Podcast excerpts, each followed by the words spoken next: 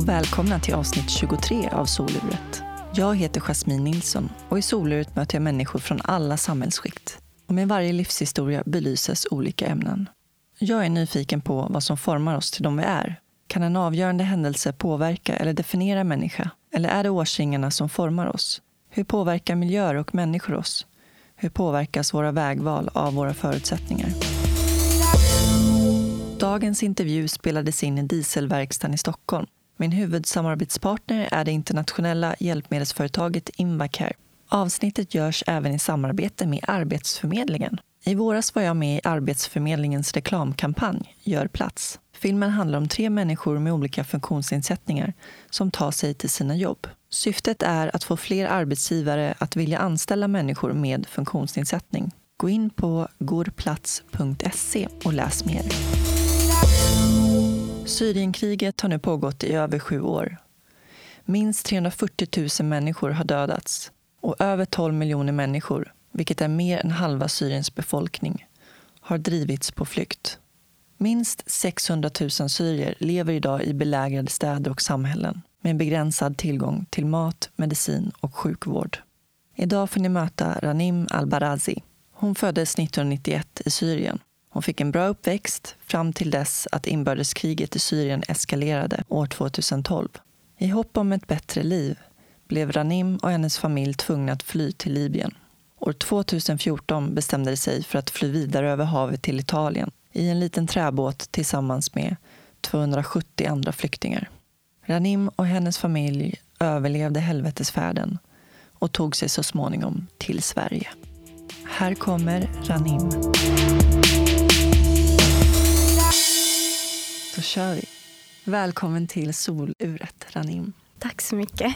Du har rest ända från Uddevalla. Ja. Lång väg. Uh, fem timmar, Ja. fem och en halv Ja. ungefär. Men nu är du redo. Ja. Jag är tacksam över att du har rest ända hit för att vara med i min podcast. Tack så mycket, det var en jätte...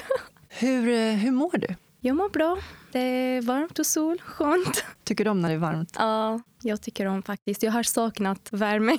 Kan du berätta vart du kommer ifrån? Ja, jag kommer från Syrien och jag har bott här i Sverige nu i fyra år, fyra och ett halvt år. Snart fem år. Du föddes som Ranim Houde Ja, Hude El? Barazi. ju- Al-Barazi Ja, den 17 maj 91. ja, Så du är 27 år nu. 27 år. Vet du vad jag hittade när jag googlade på dig? Va? Att ditt namn betyder det fina ljudet. Ja, Stämmer det? jo, det stämmer. Det är jättefint. Ja, det är jättefint faktiskt. Jag tycker om mitt namn. Kan du berätta om din uppväxt och hur det var att växa upp i Syrien? Det var väldigt uh, fint uppväxt kan man säga. Jag började skola tidigt. Jag var sex månader. Min mamma måste jobba så jag var på dagis när jag var sex månader. Ja, och hon kompis sökte mig när, när hon hade hon hade rast. Sen jag började med henne i skolan. Min mamma hon var lärare och jag var med henne i samma skola. Hon var min lärare när jag var i sexan. Hur var det? Var inte det jobbigt att ha sin Ja, det mamma var som jobbigt lärare? faktiskt. Jag måste liksom sitta stilla och inte om jag gör någonting fel direkt. Hon liksom ropar på mig. Ja, Du vet, alltså extra för att andra barn ska inte säga åh, hon är snäll för att du är hennes dotter. Sådär. Jag förstår. Ja, men det var, hon är väldigt, väldigt duktig. Vad hade du för intressen som barn? Vad tyckte du om att göra? Ja, jag tyckte om att sjunga Mm. faktiskt och eh, skriva berättelser. Sen när jag blev liksom lite äldre, i tonårig, 16-17 år, jag började skriva dikter om kärlek, vänskap och allt möjligt. Så, och jag var också en deltagare i kår, musikkår, båda flickor och pojkar. Så vi sjunger och vi var med på en tävling och vi vann första plats. Häftigt. Ja, det var väldigt eh, bra. Sen jag spelade också basketboll. Okej. Ja, Häftigt. fem år. Men jag slutade på grund av studier. Det var mycket så jag hann inte. Och jag ångrar mig faktiskt för att jag har slutat. Har du syskon? Jag har en eh, lilla syster och lillebror. Lilla syster hon är 24 år och min lillebror snart 20 år. Så du är stora jag syster? är stora syster. Så du har fått ta ansvar för Ja. dina syskon? Lite för mycket, nej. Ja. Ja, nej, men liksom, ja, man känner sig att man är mer ansvarig för dem, mina syskon. Man vill liksom hjälpa dem, ge dem advice. You know. Din mamma var lärare och din pappa? Min pappa han eh, jobbade som, eh, som ingenjör med bensintankar. Okej. Han jobbade med att förbereda hela med kablar, med hela tankar som bensinstationer. Så han jobbade med det. Jag förstår. Och min pappa, ja, jag älskar honom. Han är väldigt snäll och alltid var glad och generös och eh, kämpade för att ge oss det bästa livet. Min mamma var som en kompis och vi berättade allt för henne. Liksom. Hon alltid uh, sa till mig, kom till mig och frågade mig. Så det är jag som ska ge dig rätt svar. Så det gjorde jag. Du är uppvuxen som muslim, stämmer Ja, det? jag är muslim och jag bestämde ha min slöja när jag var eh, 17 år. Så bestämde jag det. Ingen tvingade mig. Så ibland de frågor, har någon tvingat dig och sånt? För att det finns många människor som är tvingat. Men nej, i min familj, de är, man bestämmer själv om man vill ha det eller inte. Så jag bestämde det själv. Okej. Har din syster det? Ja, hon hade det också. Och din mamma? Min mamma hon hade den eh, när hon födde min syster. Efter det hon hade slöja också. Hon bestämde själv. Så Kan du berätta varför man bär slöja? Först för att eh, jag är som jag sa muslim och i Koranen står att eh, en kvinna ska ha den. Det är en order från Gud. Jag tycker om den. Jag tycker om uh, slöja och jag ville ha den. Och den liksom eh, den stoppar inte mig att göra mitt liv naturligt. Liksom. Jag har jämfört en tjejklassiker med min slöja och det har inte stoppat mig. Och det här faktiskt jag ville visa också för flickor som har den. Att den här slöjan det betyder inte att du ska inte idrotta, du ska inte gå ut och vara en eh, sportig eh, kvinna. Så det var första meddelandet som jag vill visa till andra tjejer och eh, svenska samhället också. Och det visar att jag är muslim som jag sa och jag har ett troende på Gud och jag vill ha den. Och som jag sa, det finns många flickor som vill inte ha den. Jag har många kompisar som har tagit bort den nu. Så det är ju olika. Men uh, Man väljer själv. man väljer själv, exakt. Och som jag sa, det finns vissa familjer som tvingar deras tjejer. Och det här är inte okej. För att också i islam och i Koran, man ska inte tvinga något att göra något som man vill inte göra. Så man ska inte tvinga något att ha slöja eller bär slöja. Så det, man ska bestämma själv. Man ska ha den från sin hjärta. Det var jättefint sagt. Hur är det att eh, bära slöja i Sverige? Får du några reaktioner? Känner du att man tittar på dig annorlunda? Eller? Jag tror ja, ibland de tittar. Alltså du vet, för jag är annorlunda. Så de tittar, men det gör inget. De inte tittar liksom konstiga, inte på ett konstigt sätt. De bara tittar liksom. Ibland Ah, de okej. säger, åh, alltså mina kollegor när jag var, åh vad fina slöjor du har, hur många slöjor? Jag hade många olika färger liksom varje dag. Åh, men vad fin du har, hur många? Ja, jag har 30, 30 slöjor ungefär. Människor är, de kollar för att de är nyfikna. Exakt, nyfikna. Och de frågade mig, men hur ser du eh, utan slöja? Och jag visade bara en bild. Sen jag, de var med, med i mitt bröllop och de såg mig utan slöja med den här stora klänningen. Så, eh, eller jag visar ibland också barn i skolan, de är jättenyfikna. De frågar, men varför har du det här? Eh, har du inget hår? Har du inga öron? nej, nej, jag har det. Men som jag sa, jag är muslim och därför jag har valt att bära slöja. Och det finns många kvinnor som är muslimer, de har ingen slöja. Så det är ju olika. Jag har en bild på mig. Åh, vad fint! Du är finare än det. Och, ja, jag vet. Barn de är så naturliga. Exakt. De är inte rädda att fråga. Nej, nej, nej, exakt. Men även vuxna, de har frågat mig om det. Så det är helt okej. Jag är jätteöppen. Jag, jag blir jätteglad när någon frågar mig. Så Eh, du kan berätta. så jag kan berätta vad jag tycker. Ibland de har läst eller hört någonting fel. Så när jag Precis. berättar exakt eller har sett någonting kanske på tv eller på media och det är inte helt sant. Så när de frågar mig, ja men det är ju inte så. Nej. För det är bättre att fråga istället för att ha fördomar. Det är bättre att fråga. Ja, våga fråga också. Mm. Det är helt okej. Jag hörde på nyheterna idag att Danmark har förbjudit niqab och burka. Ja. Vad tänker du om det? Vad tycker du om det? Jag tycker inte om den här niqab och burka. Nej, jag tror det, det behövs inte. Det räcker eh, med den här slöjan. För det här som står liksom i Koranen, man ska inte överdriva och ha den här burkan. Nej, jag tror det räcker med slöjan, vanliga kläder som passar eh, hijab. Slöjan, så det, eh, det räcker. Också det har hänt här i Sverige att de har sagt att de ska förbjuda och flickor som har slöjan att jobba och sådär. Men det är ju osant, det kommer inte hända. Jag har träffat, nu på väg, jag har träffat många flickor som jobbar i station, som jobbar eh, i affären, de har bär slöja. Så det är helt naturligt. Det, alltså man kan inte liksom eh, Man tror på någonting. Jag tror till exempel på Gud, du tror på inget. Du tror på kärlek eller på någonting. Så man får... Jag har mina gränser, du vet. Alltså den här slöjan ska inte ska inte hindra dig. Hindra dig exakt. Så, och då, jag är en person, du kommer inte, som du sa, kommer inte att döma mig från utseende prata med mig. Alltså, jag har en god hjärta, jag har ett bra, ett bra hjärna. Alltså, jag är inte bara slöja. Tyvärr de har tagit den här bilden att en kvinna med slöja det är en mans män eh, förtryck. De förtrycker henne. Det vet om det finns många flickkvinnor över hela världen som har slöjan. De idrottar, de jobbar, eh, de eh, upptäcker. Så de är självständiga De är självständiga, så det har ingenting att göra. Det är bara som jag sa, inte alltid som i median är sant. Så fråga. Precis. Men jag tycker också, det är ju skillnad med en slöja. Med slöja tycker inte jag är något problem alls, för man ser ansiktet. Ja. Det är en annan sak med niqab och Ja, burka exakt. när man inte ser Nej, nej, nej, någonting. exakt. Vem Nej. som är bakom. Nej, vem är som är Vem exakt? är människan? Nej, nej, exakt. Vad gjorde du eh, när du var klar med skolan? Jag gick på universitet och studerade ekonomi för tre år.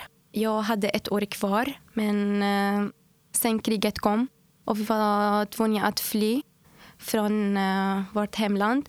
Och jag trodde då att jag skulle kunna åka tillbaka till Syrien, att situationen ska bli bättre efter ett år och jag ska åka tillbaka och göra färdigt och ta min examen. Men eh, det blev inte så. Vi kom till Sverige. Ni- Men... Ni kom till Sverige 2014. Ja, men innan eh, jag åkte från Syrien den 4 november 2012, så det är snart sex år. Jag bodde först i Libyen, i Nordafrika, Libyen, för ett år och tre månader. Sen från Libyen vi åkte en liten båt till eh, Sverige. Då var du bara 23 år Ja. när ni flydde. Hur var det att bo i Libyen? Det var bra, jag jobbade faktiskt. Jag hittade ett jobb direkt efter en månad i Investbank Bank. Jag gjorde en kurs med eh, execution broker i Libyan stock market och jag jobbade i det här eh, företaget för ett år.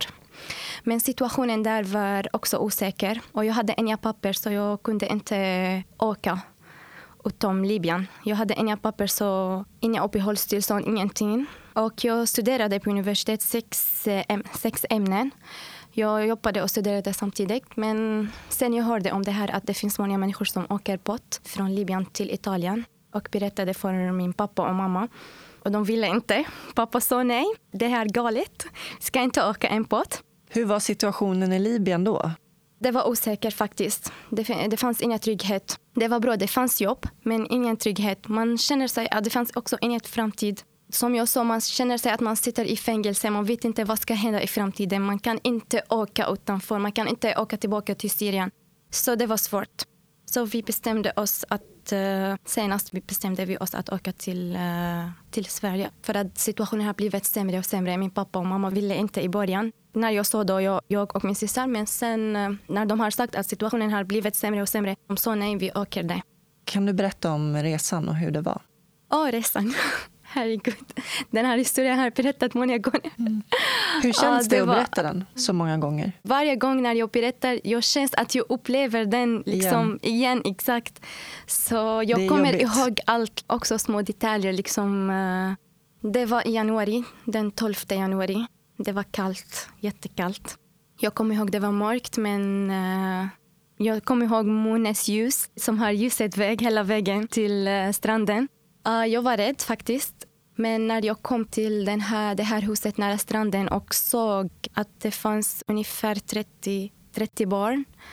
När jag såg dem, jag glömde att vara rädd utan jag tänkte bara och jag bad Gud att jag vill inte se de här barnen drunkna. Jag vill inte se dem. För att jag kan simma, okej, men om till exempel jag har bara tänkt och föreställt mig att den här båten ska drunkna ner och jag ser alla barn, de skriker och drunknar. Det här kommer den här bilden för mig direkt. Så jag bara bad Gud att snälla att vi ska överleva. Och jag vet inte, att nu när jag tänker alltså vi är, vi är galna. Alltså, hur har vi gjort det?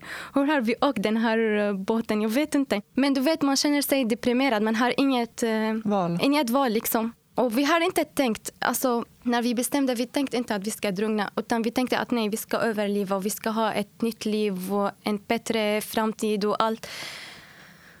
Men, eh, men sen det var svårt faktiskt. Jag ångrade mig att jag har eh, liksom övertygat min pappa och mamma att eh, åka den här liten båt. När jag såg dem på morgonen, när solen sken och såg dem, jag såg dem hur trötta de var. De var helt sluta liksom. Så jag ångrade mig. Men sen det gick bra. Jag läste en intervju med dig i Bohuslänningen Ja. och där stod det att det var 270 personer. Ja, 270 personer. Ombord. Det var det. Ungefär 30 av dem var barn och det yngsta barn var tre månader. Bara tre månader. Vi hade också tre kvinnor som var gravida och eh, ja, det var... Alla klarade sig, eller? Ja, vi klarade oss för att eh, vi åkte i natt.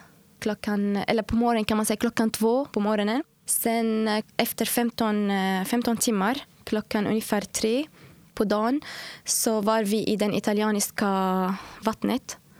Och eh, kom en helikopter och såg dem och skickade båtar för att eh, ta kvinnor och barn först. Hur stor var båten? Jag trodde att det var stor faktiskt, men den här italienska kapten nästa dag, han sa till mig kom in, jag vill visa dig båten. Och det var så här liten. Och det var gjord av trä, gammalt båt.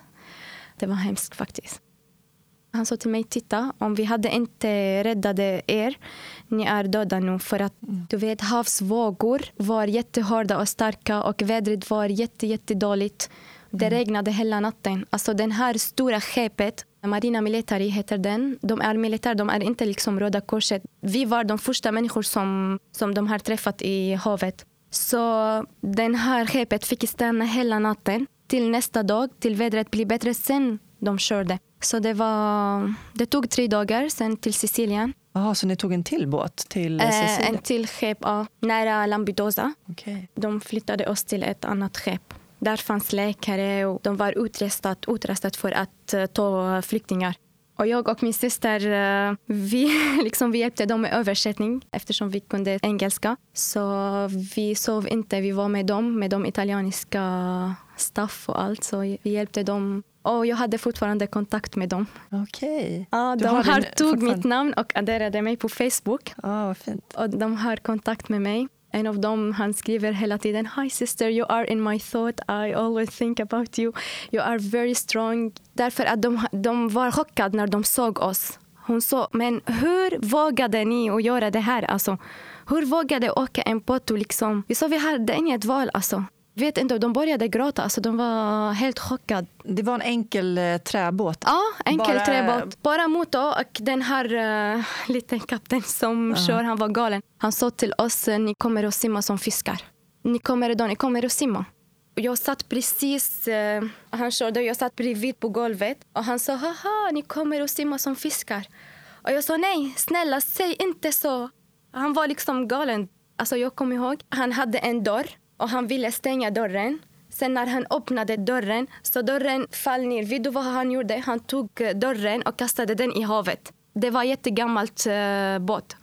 Och jag bara tittade. Åh nej, vi kommer inte klara oss med den här båten. Och hela tiden vattnet kommer från havet bakom min rygg. Så jag var blöt hela tiden. Det var jättekallt, iskallt. Och sen från, ni kom fram till Sicilien. Vi var i Palermo för tre dagar. Sen vi åkte, vi åkte till uh, Partinico och sen till Milano och där eh, till Tyskland. Det är bara tåg, tåg, åker tåg. Det var en jättelångt resa.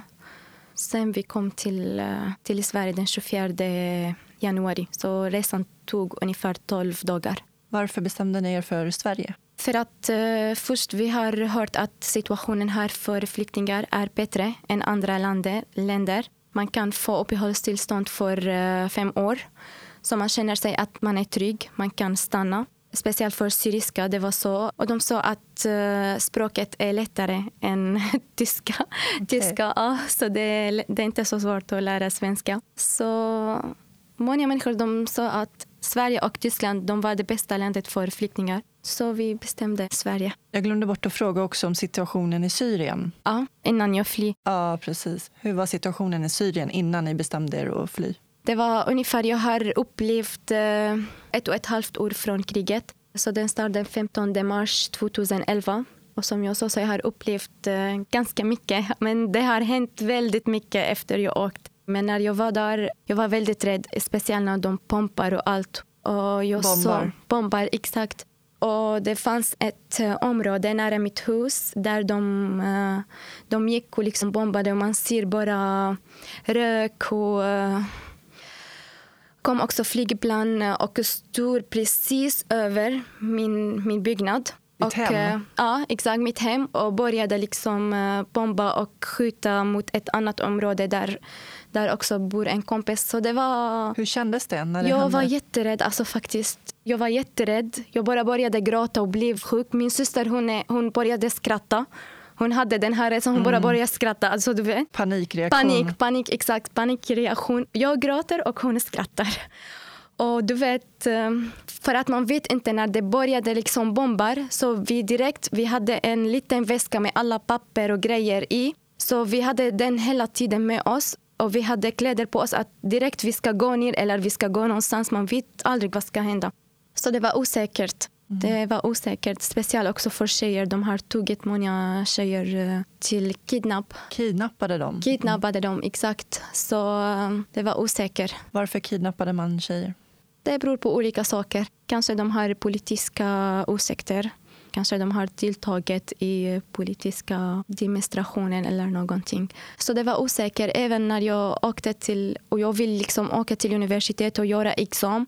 Samtidigt när vi gör examen vi satt i källaren, liksom, storkällaren examen. Och det bombade där ute. Så det var, samtidigt? Man, samtidigt man Hur skriver, kunde man koncentrera Jag vet sig? inte. Och jag var väldigt rädd liksom, när det bombade. Bara, liksom, jag känner, nej.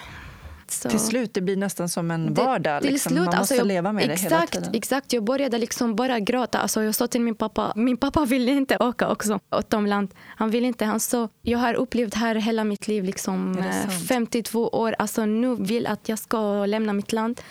Men pappa, vill du att du ska se oss dö? Vill du att, uh, alltså, det här är helt galet. Vi måste hitta ett annat land. Alltså, det är osäkert. Så vi bestämde oss uh, att åka det måste till vara... Libyen. Att vi ska åka dit, okay. stanna där lite och sen åka tillbaka mm. när kriget är slut och när det lugnar sig. Men det... det tog inte slut? Nej, det tog inte slut tyvärr. tyvärr.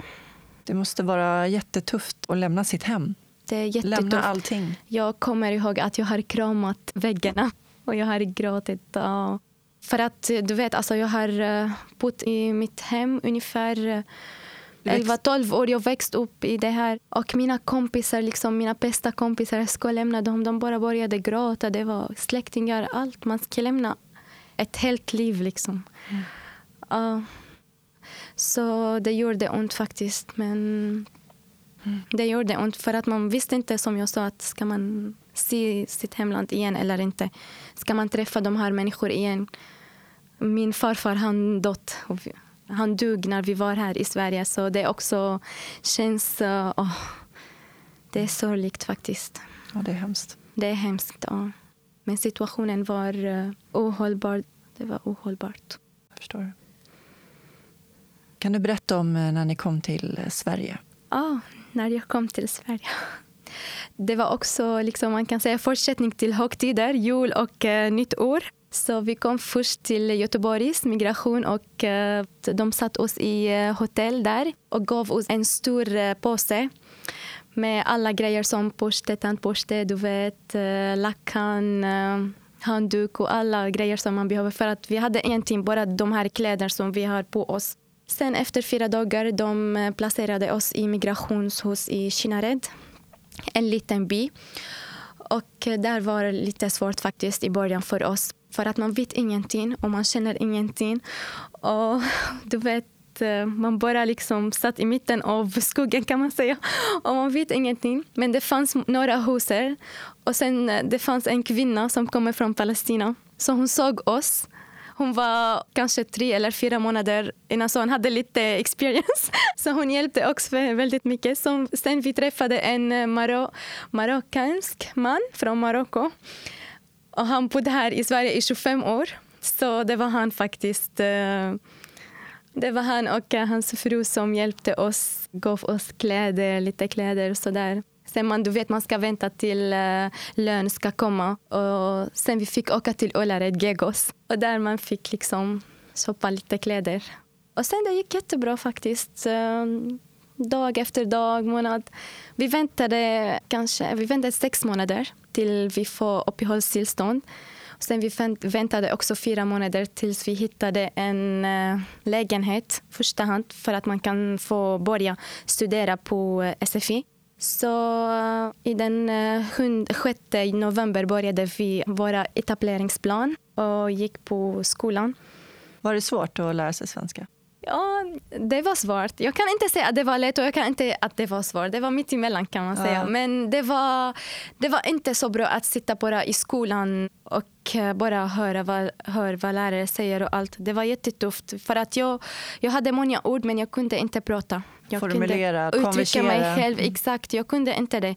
Så sen efter fem månader när jag var på SFI och bestämde mig att nej, jag måste gå och praktisera hos en svensk eh, och prata med svenskar. Det är bästa sättet att integrera Och det gjorde sig. jag faktiskt. Jag ja. hittade direkt en praktikplats med en matematiklärare. Okay. Han var min, eh, min lärare. Jag studerade med honom lite matte. Och jag, sa, jag märkte att han har många ungdomar som kommer från Syrien och Afghanistan. Han kunde inte kommunicera med dem. De hade inte språk. Och det var svårt. Så när jag såg dem när jag kom förbi klassen så jag såg att nej. Så jag pratade med honom direkt. Där började mitt liv, jag kan säga. Uh. Där började mitt liv i Sverige. Men det är ju så att som jag sa, man måste gå ut, man måste träffa svenskar. Det räcker inte med skolan. Att bara sitta och, och skriva läxor och bara läsa och sådär. Nej, du måste liksom gå ut och träffa och lära dig om kulturen. Så det var det bästa sättet att göra praktik. Sen eh, fick jag timanställd hos dem. Efter, efter en och en halv månad kom rektor och sa att du ska få betalt.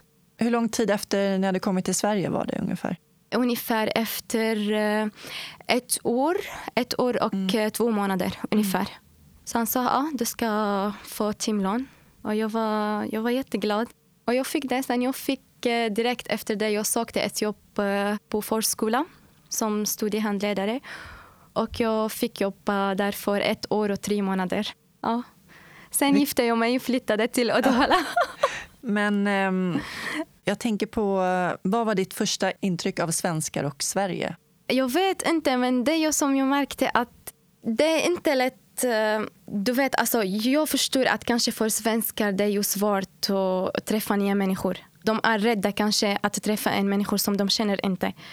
Så det var i början lite svårt. Men eh, sen nej, om du ska bara börja säga hej. Det finns många som frågar, eh, vill lära känna dig och det finns vissa som vill inte. Så det är ju olika. Men eh, första intrycket, nej, de, de var jättesnälla faktiskt. Speciellt med hela med arbetsförmedlingen och allt och lärare i skolor. Och de ville lära oss eh, språket. Och det var viktigt faktiskt. Språket är jätteviktigt. Jag säger alltid att det är nyckel för samhället. Så när du har språk och när den andra ser att du kan språket, det ska bli lätt att kommunicera. Så i början det var svårt, men sen det blev bättre och bättre. Och som jag sa, det är alltid eh, lite svårt i början när man träffar en människa som inte känner. Men man måste liksom vara öppen, öppen och, ja, och försök liksom prata med den här människan, fråga om sin historia. Vad heter du? Eller sådär. Ja. Hur gick det för dina föräldrar? Det var svårare för mina föräldrar faktiskt. Du vet, speciellt med språket. Mm. Så det var jättesvårt. Min mamma hon blev deprimerad Åh. faktiskt. För att hon, och hon är ju lärare också. Exakt, hon jobbade ja. hela sitt liv i Syrien som mm. lärare.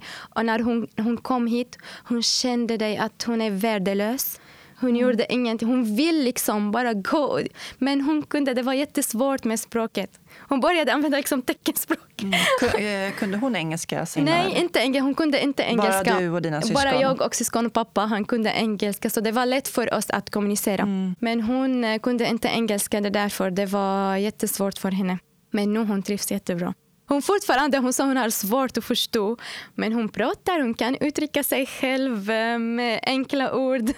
Hon kan förstå lite så hon har blivit gladare nu. Hon, nu hon har gått igenom liksom matlagning. Hon gjorde matlagning, eh, kurs för eh, nyanlända kvinnor, kommer från Afghanistan och så. Och de, hon också lärde dem språket genom matlagning, liksom recept och de lärde sig nya ord genom matlagning. Och eh, förhoppningsvis att hon ska också ha ett jobb genom det här. Det är också en lärare när man ska lära ut och laga mat. Exakt, och hon är jätteduktig. Och min pappa han jobbar också uh, som studiehandledare på skolan. Han och min syster de jobbar så och hjälper nyanlända också med språket, översättning. Ja, han trivs bra. Liksom. Det är bra med jobb. Du vet, det är ju jätteviktigt. Han önskade om han kan jobba på samma sitt jobb i Syrien men det var svårt faktiskt här i Sverige. Han fick byta karriär? Byta, exakt. Det finns många som har bytt karriär faktiskt. Ja. Hyltebruk, det var dit ni kom? Hyltebruk, det var sen när vi hittade den här lägenheten från Kinnared. Vi flyttade till Hyltebruk. Vart så min familj bor kvar där. Vart ligger Hyltebruk? Hyltebruk det ligger i, eh, i Halland. Halland, vet, alltså nära Halmstad, ungefär 80 kilometer från Halmstad. Så. Hylte kommun, det finns uh, Landred, Kinnared, Unared. Ja. Jag befinner mig hos min samarbetspartner Invacare här ute i Spånga och sitter tillsammans med Johan. Tjena Moss, tjena Moss. Hur är läget? Det är bra. Tillbaks efter semestrar och allt. Exakt. Berätta vad du gör för någonting här på Invacare. Jag jobbar som försäljningschef. Vi har uppdelat på lite olika produktområden. Så jag har gånghjälpmedel och hygien och rullstolar och sittande och dyner mm. på mitt område. Kan du berätta vad ni har på agendan här framöver?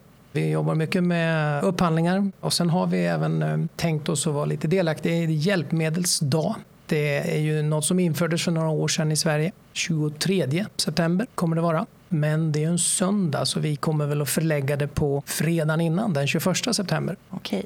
På kontoret här i Spånga. Är det några särskilda produkter sådär som ni kommer att visa upp? Vi visar väl egentligen en bredd på vad vi har. Självklart finns det ju mycket av de här produkterna med gånghjälpmedel och skotrar och den delen som används mest. Och sen visar vi väl lite övrigt med. Det finns ju sängar och lyftar och dyner och elrullstolar och en ganska stor bredd på produkter som vi har här. Då kan man passa på att komma och testa grejerna. Ja, tycker jag. Ta tillfället i akt. Ja. Och vi kommer ha lite föreläsningar. Mikael Andersson från Göteborg. Han har ju varken armar eller ben kan man väl säga. Han tar sig fram i livet hur bra som helst. Ja, verkligen en inspiratör. Ja. Och sen kommer även du, Jasmine, att delta. Exakt. Lite föreläsning. Så att, eh, det vill det, ni inte missa. Nej, nej, det blir intressant. Vi har väl sagt egentligen att vi vill ha in lite bindande anmälningar för att genomföra det hela. Så att eh, vi håller väl på att jobba och få ihop ett antal besökare som ska komma. Hur anmäler man sig? Det kommer finnas på hemsidan där man kan gå in och anmäla och man kan även kontakta Helena Eriksson hos oss också och mm. anmäla sig. På invacare.se. Tack så mycket Johan. Tackar. Ha en bra dag. Det är samma. Kan du berätta om hur du träffade din uh, man? Min man, vi träffade här i Sverige han kom också från Syrien och han bodde i Uddevalla.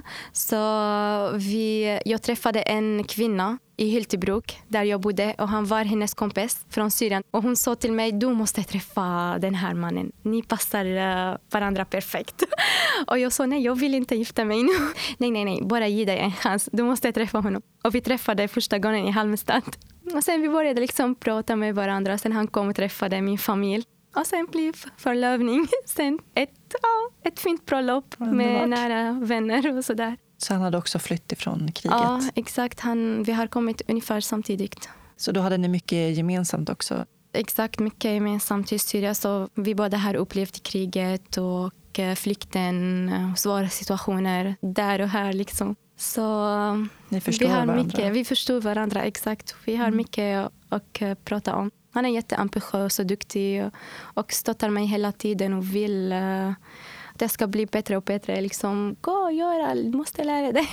och, och nu vi dröjer lite med barn för att jag vill göra färdigt min examen. Så förhoppningsvis att jag ska bli klar nästa år. Vad är det du pluggar nu? Nu jag har sökt till eh, Göteborgs universitet, Handelshögskolan. Och jag ska börja den 3 september plugga kurspaket eh, företagsekonomi 1 och 2. Det var det du ville göra i Syrien det från här, det, Jag ska göra en fortsättning för min utbildning. Mm. Så jag har skickat mina papper och de har gjort en utvärdering. De sa att jag behöver bara studera tre terminer. Jag har alla ämnen i internationell nationell ekonomi och statistik och jag behöver bara studera företagsekonomi, mm. kurspaket och kandidatkurs. Så det är inte så långt, men jag ska kämpa på.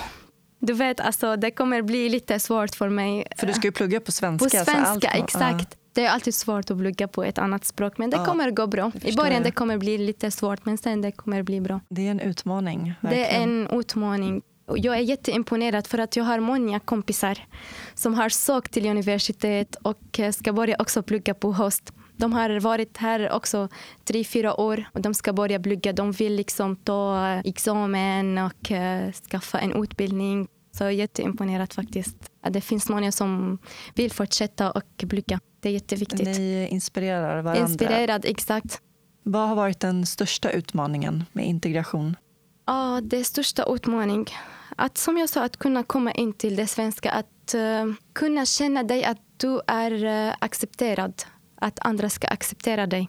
Så det här var den största utmaningen.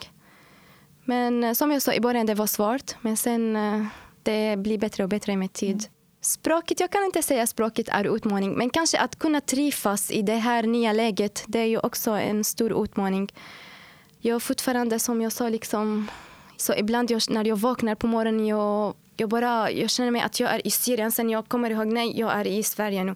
Du vet, det kommer. Och ibland när jag går, när jag tar en promenad eller någonting så det kommer någonting som påminner mig direkt på mitt hemland. Kanske man också lyssnar på en sång, på en låt. Eller, så det kommer direkt någonting som uh, påminner dig. Uh, mm.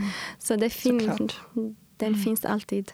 Du känner att du har haft ett bra mottagande i Sverige? Det gick bra. För att de här sa till oss att här speciellt, det var mycket stress för migrationshuset och så där, att det, det kom många människor. Det var jättestressat för dem. Och det var olika. Alltså det finns många, vissa som har tagit uppehållstillstånd efter en månad och började liv och vissa har väntat ett år. Ja. Så det är ju olika. Så man ska bara acceptera. Vad ska man göra? Ska ja. man ska stressa sig och säga nej, jag vill, jag vill, jag vill.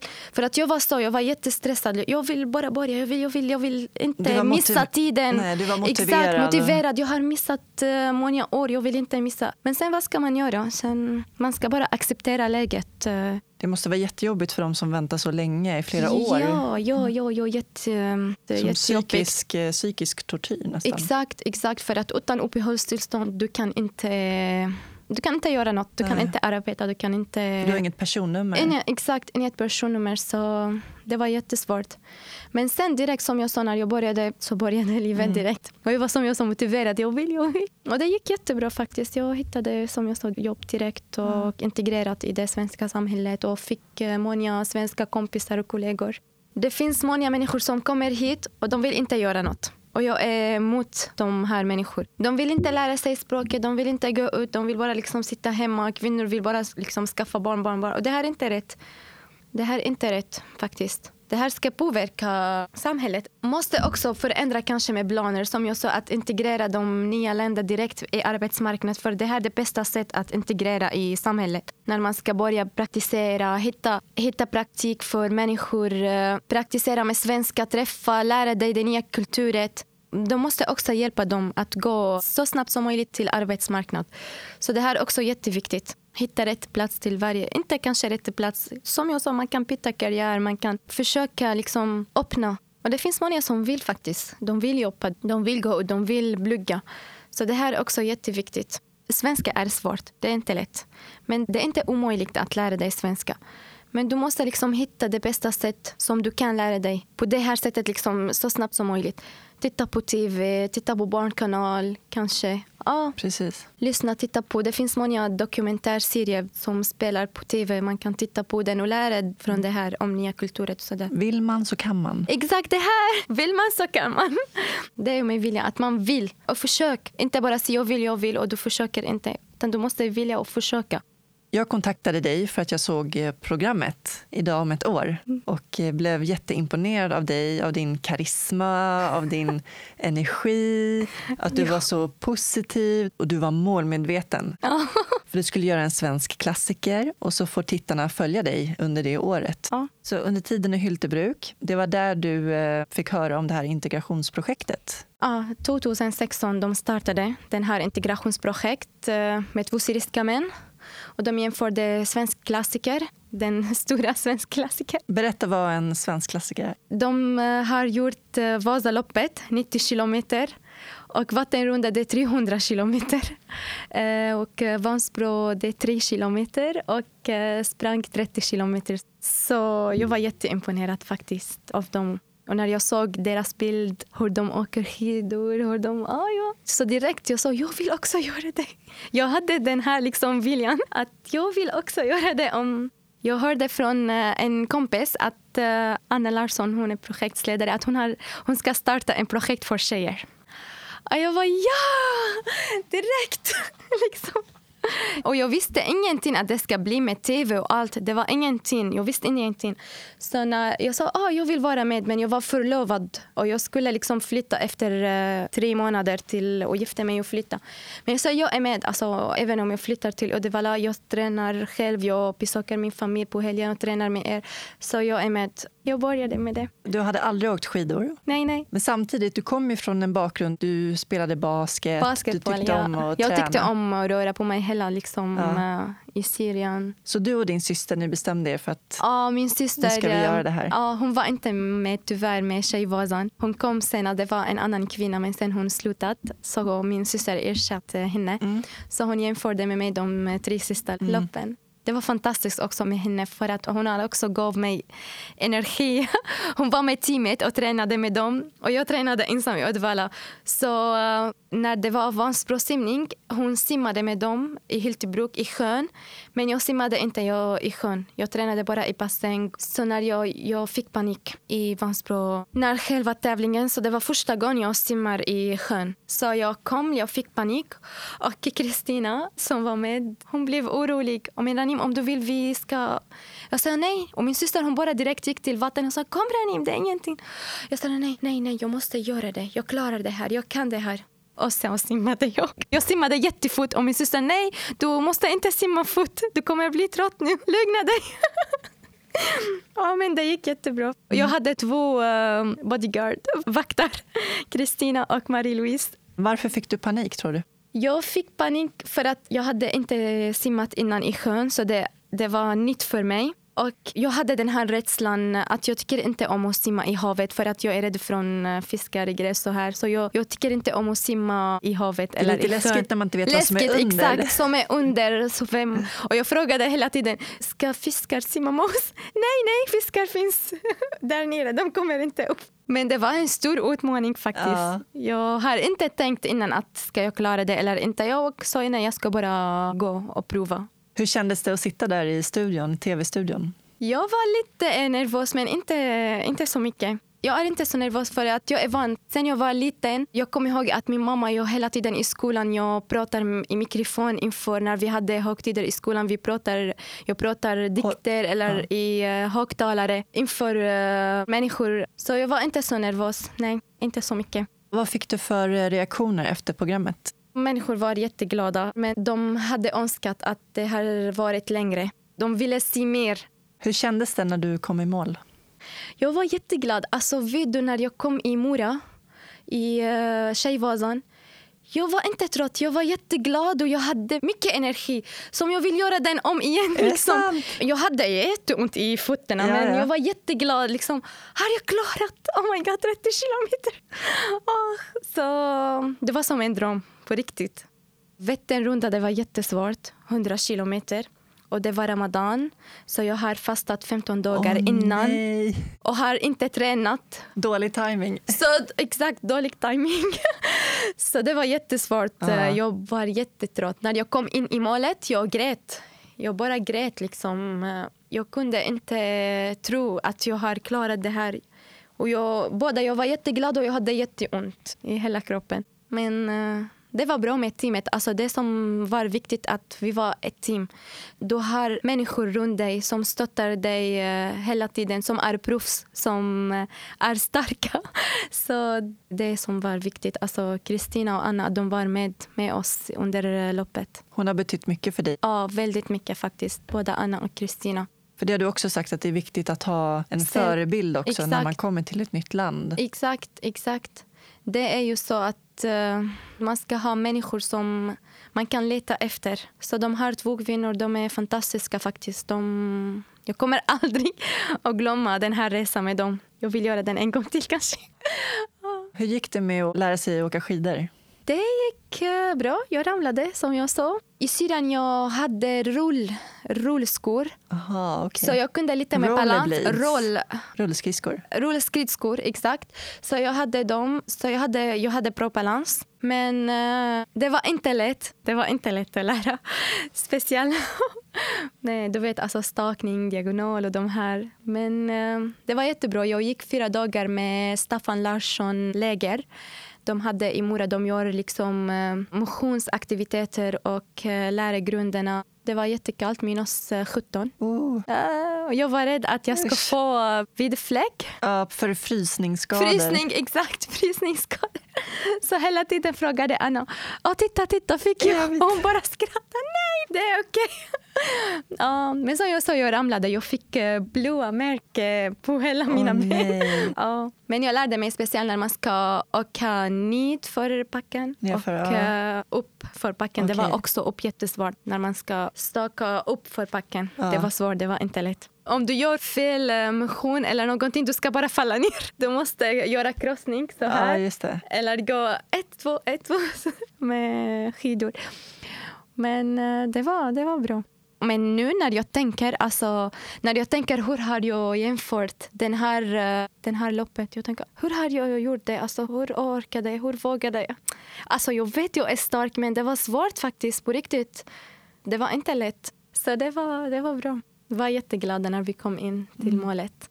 Jag läste också att din syster hon började gråta när hon kom fram. Vansbro. Ja, Hon kom ihåg den här uh, kapten, människan som har kört båten, när han såg att mm, vi kommer att simma som fiskar. Så hon kom ihåg det precis innan målet. Hon var jätterädd, hon började simma snabbt och snabbt för att eh, jag tror hon var liksom både trött i kroppen och fick panik. Så men också en lättnad att komma fram, att man klarade. exakt. Det är imponerande. Ja, jag är jättestolt över henne faktiskt. Får jag bara fråga, hur är det med att som muslimsk kvinna träna? Är det kontroversiellt på något sätt? Nej, nej, nej. Det Nej. finns ingenting som uh, står i Koranen som visar det här att eh, en kvinna ska inte träna, ska inte ta hand om sig. Men tyvärr, det, är ju inte, det har ingenting att göra med religion. Utan det har att göra med samhället, med tradition och kultur. Så det är tvärtom. En kvinna måste ta hand om sig och ska vara alltid eh, stark och och träna. Men tyvärr, eh, många kvinnor om eh, vårt samhälle, de, de glömmer sig själva när de gifter. De bara tar hand om mannen och barnen. De glömmer sig själv och det ska kvinnan ska inte göra. Nej, kvinnan ska älska sig själv och ska ta hand om sig själv och vara stark och träna. Inte bara barn, barn, man, man hela tiden. Nej.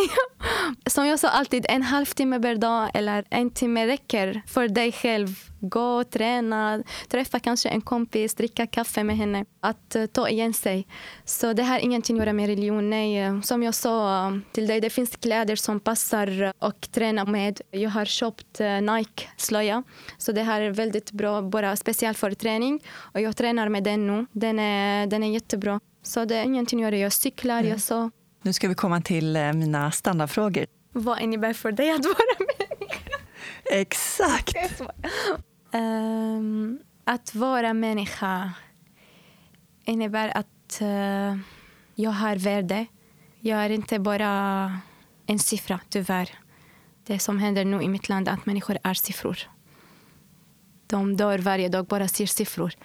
Så att uh, vara en människa, att jag är en människa, att uh, som jag sa, andra ska acceptera dig även om jag är annorlunda att vara människa, att jag ska ha en roll i samhället, kunna påverka det samhället på det sätt som jag kan, på det bästa sätt. Att ha rätt uh, till livet, alltså. Ha rätt till, uh, till att leva, till att plugga, till att ha vård, till många saker som saknar tyvärr i, nu i mitt hemland. Så det är mycket, alltså ordet människa det är mycket. För att som jag sa, vi är jätteolika. Det är som är viktigt att vi ska acceptera varandra. För att vi är ju jätteolika. Du kommer aldrig att träffa en människa som är 100% som dig. Så att vara människa, att bara känna dig accepterad i samhället eh, med människor. eh, Känner att du har värde, att det finns någon som lyssnar på dig som eh, tycker att din åsikt har värde, kan påverka. Vad betyder frihet för dig? Och frihet. Frihet betyder att, att jag ska ha rätt till att eh, agera och eh, säga min ursäkt. säga vad jag tycker utan att vara rädd att någon ska ta mig till fängelse eller att jag ska förlora mitt liv. Det här är frihet, det är ett stort ord och tyvärr det här ordet den har eh, förstått mitt land. Så det är ju ett stort ord faktiskt, frihet. Det betyder väldigt mycket. Så det här är min frihet. Att jag ska göra vad jag vill men utan att göra andra illa. När grät du senast? Uh, jag tror det var 29, 29 juni. Jag hade en vecka kvar på jobbet och jag var lite stressad. Och jag hade mardröm som jag ofta har faktiskt. Och det är ju så att jag drömde om, eller jag drömmer ofta, att jag är i Syrien och jag upplever eh, krigets händelser och allt och bombar. Jag är i Syrien och jag vill åka tillbaka till Sverige men jag vet inte hur. Jag är fastnat i kriget. Jag vill åka till Sverige. Jag har inte så mycket tid kvar till uppehållstillstånd och sådär. Och jag kan inte. Och jag vaknar och jag är jätterädd. Och sen det tar några sekunder till jag lugnar mig att jag är i Sverige. Det var bara en dröm. Men hela dagen jag ska ha liksom, jag ska bli bara, bara orolig. I drömmen jag har upplevt många, många liksom sorgliga händelser, bomber och blod. Och det här sista det var att jag såg hela Damaskus, mitt, eh, där jag född och uppväxt, att den brinner. Och rök överallt. Det är därför jag var orolig hela dagen på jobbet. För att det här är någonting som ska sitta fast. Liksom. Men som jag sa, när jag tränar, det är jättebra. Liksom, jag känner mig att jag, jag har jätteont i hjärtat, så, så jag bara går ut. Kanske jag gråter på väg till gymmet. Jag, jag lyssnar på musik. Jag känner mig fri och sådär. Bara glömma allt. Så det är jätteviktigt med träning. Det är viktigt man glömmer allt. Fri och svettig och glad bara vill liksom, träna mer och mer. Vad gör dig arg? Faktiskt innan, det var mycket som gjorde mig... Det var liksom det, det minsta sak gjorde mig arg när jag var i Syrien innan. Men sen... Jag var liksom lite, mycket, mycket känslig. Direkt blir jag arg. Men sen jag har bestämt att jag måste vara rädd om min kropp och, och mitt hjärta. Att jag ska ta alla situationer, händelser, lugn och ro. Så jag försöker så mycket som möjligt att inte vara arg. För att jag tänker att ingenting förtjänar det, att du ska vara jättearg. Ledsen, okej, okay, jag blir ledsen som jag sa när jag ser eh, nyheter, vad händer. Vad gör dig lycklig? Att se att min familj uh, mår bra, att min man han mår bra. Ja, det finns många saker som gör mig lycklig faktiskt. Träffa en kompis och sitta med henne och dricka kaffe, prata vad jag mår, vad jag känner. Det här kan göra mig lycklig. Det som kan göra mig lycklig eh, i framtiden att eh, kriget ska sluta och se att alla människor lever i lugn och ro. Vill du flytta tillbaka när kriget är över? Det tror jag inte. Alltså, jag tror att jag kan inte flytta tillbaka men jag hoppas att jag kan åka på besök. Men att flytta tillbaka, nej. Det är som att börja om på nytt igen. Ja, exakt. Jag har nog byggt här ett liv och jag ska börja nu bygga så nej, jag ser min framtid här i Sverige. Men som jag sa till dig, att gå på besök, absolut, det vill jag göra. Det har ingenting att göra att jag älskar mitt hemland eller inte, att jag vill flytta tillbaka. Det har liksom verklighet. Alltså, situationen där är jättesvår. Även om kriget har slutat, det ska ta jättelång tid. Och liksom nu jag har varit här som jag sa snart fem år. Så jag har varit i ett helt annat system, helt annat liv och jag är van med det. Vad drömmer du om?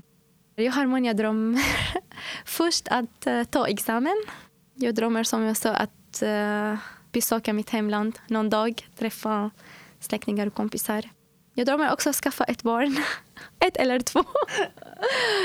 jag drömmer att det ska vara lugn och ro i hela världen. Att uh, ingen ska vara rädd eller hungrig. Jag drömmer att uh, vi ska alla börja vara öppna och acceptera varandra för att vi behöver varandra egentligen. Vi säger i teamet tillsammans är vi starka. Exakt. Det är vår, vår motto. Tillsammans är vi starka. Alltså, tillsammans är vi starka. Ja, det är vi, Danny. Det är vi. Jag har några snabba frågor här också. Kaffe eller te? Kaffe. Bok eller film? Film. Kött eller grönsaker? Grönsaker. Planering eller spontanitet? Mm, båda. Se eller höra? Uh, se. Ljus eller mörker? Ljus. Fort eller långsamt?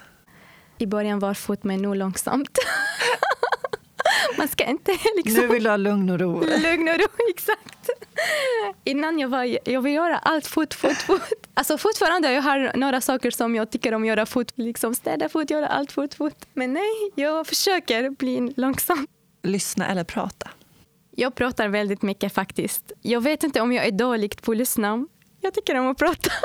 Men uh, jag lärde mig att jag måste lyssna mer. När jag lyssnar, jag är bra på båda. Jag kan säga båda. Kan man inte välja båda? Absolut, det får du göra. Prata och lyssna. Inga problem. Tack så jättemycket Ranim för att du kom och delade med dig av din livshistoria och reste så långt. Tack själv. Det var jätte, jätte, faktiskt jätteroligt att prata. Och jag kommer ihåg många liksom, händelser och minnen. Så tack så mycket. Ranim är verkligen en ovärderlig förebild. Hennes motivation och drivkraft kommer att ta henne långt i livet. Hennes livshistoria är viktig, speciellt nu när de kalla vindarna sveper över Europa. Vikten av solidaritet och medmänsklighet får ett ansikte genom hennes historia. Soluret har en hemsida, soluretpodd.se. Där kan ni lyssna på alla intervjuer och eh, även komma i kontakt med mig. Ni kan också mejla mig på kontakt solurutpodd.se. Dela gärna med er av era reflektioner och tankar kring intervjuerna. Jag blir så glad av er feedback. Om ni prenumererar på podden i er podcastapp får ni upp avsnitten direkt i er mobiltelefon. Ibland kan det nämligen ta något dygn innan det nya avsnittet kommer upp på iTunes. Följ gärna Soler på Facebook och Instagram. Tack till min huvudsamarbetspartner Invacare. För mer information om Invacare och deras produkter kan ni gå in på invacare.se. Avsnittet görs även i samarbete med Arbetsförmedlingen. När jag skulle söka jobb för första gången hade jag med en helkroppsbild till mitt CV och jag fick väldigt liten respons. Jag undrade såklart varför. Sen tänkte jag att det kanske var rullstolen som skrämde. Därför ändrade jag bilden till en ansiktsbild. Då fick jag helt plötsligt jättemånga svar. Om ni vill anställa fler grymma människor med ovärdeliga erfarenheter tycker jag att ni går in på gorplats.se. Där kan du som arbetsgivare få tips och råd om hur du kan berika din arbetsplats med mångfald.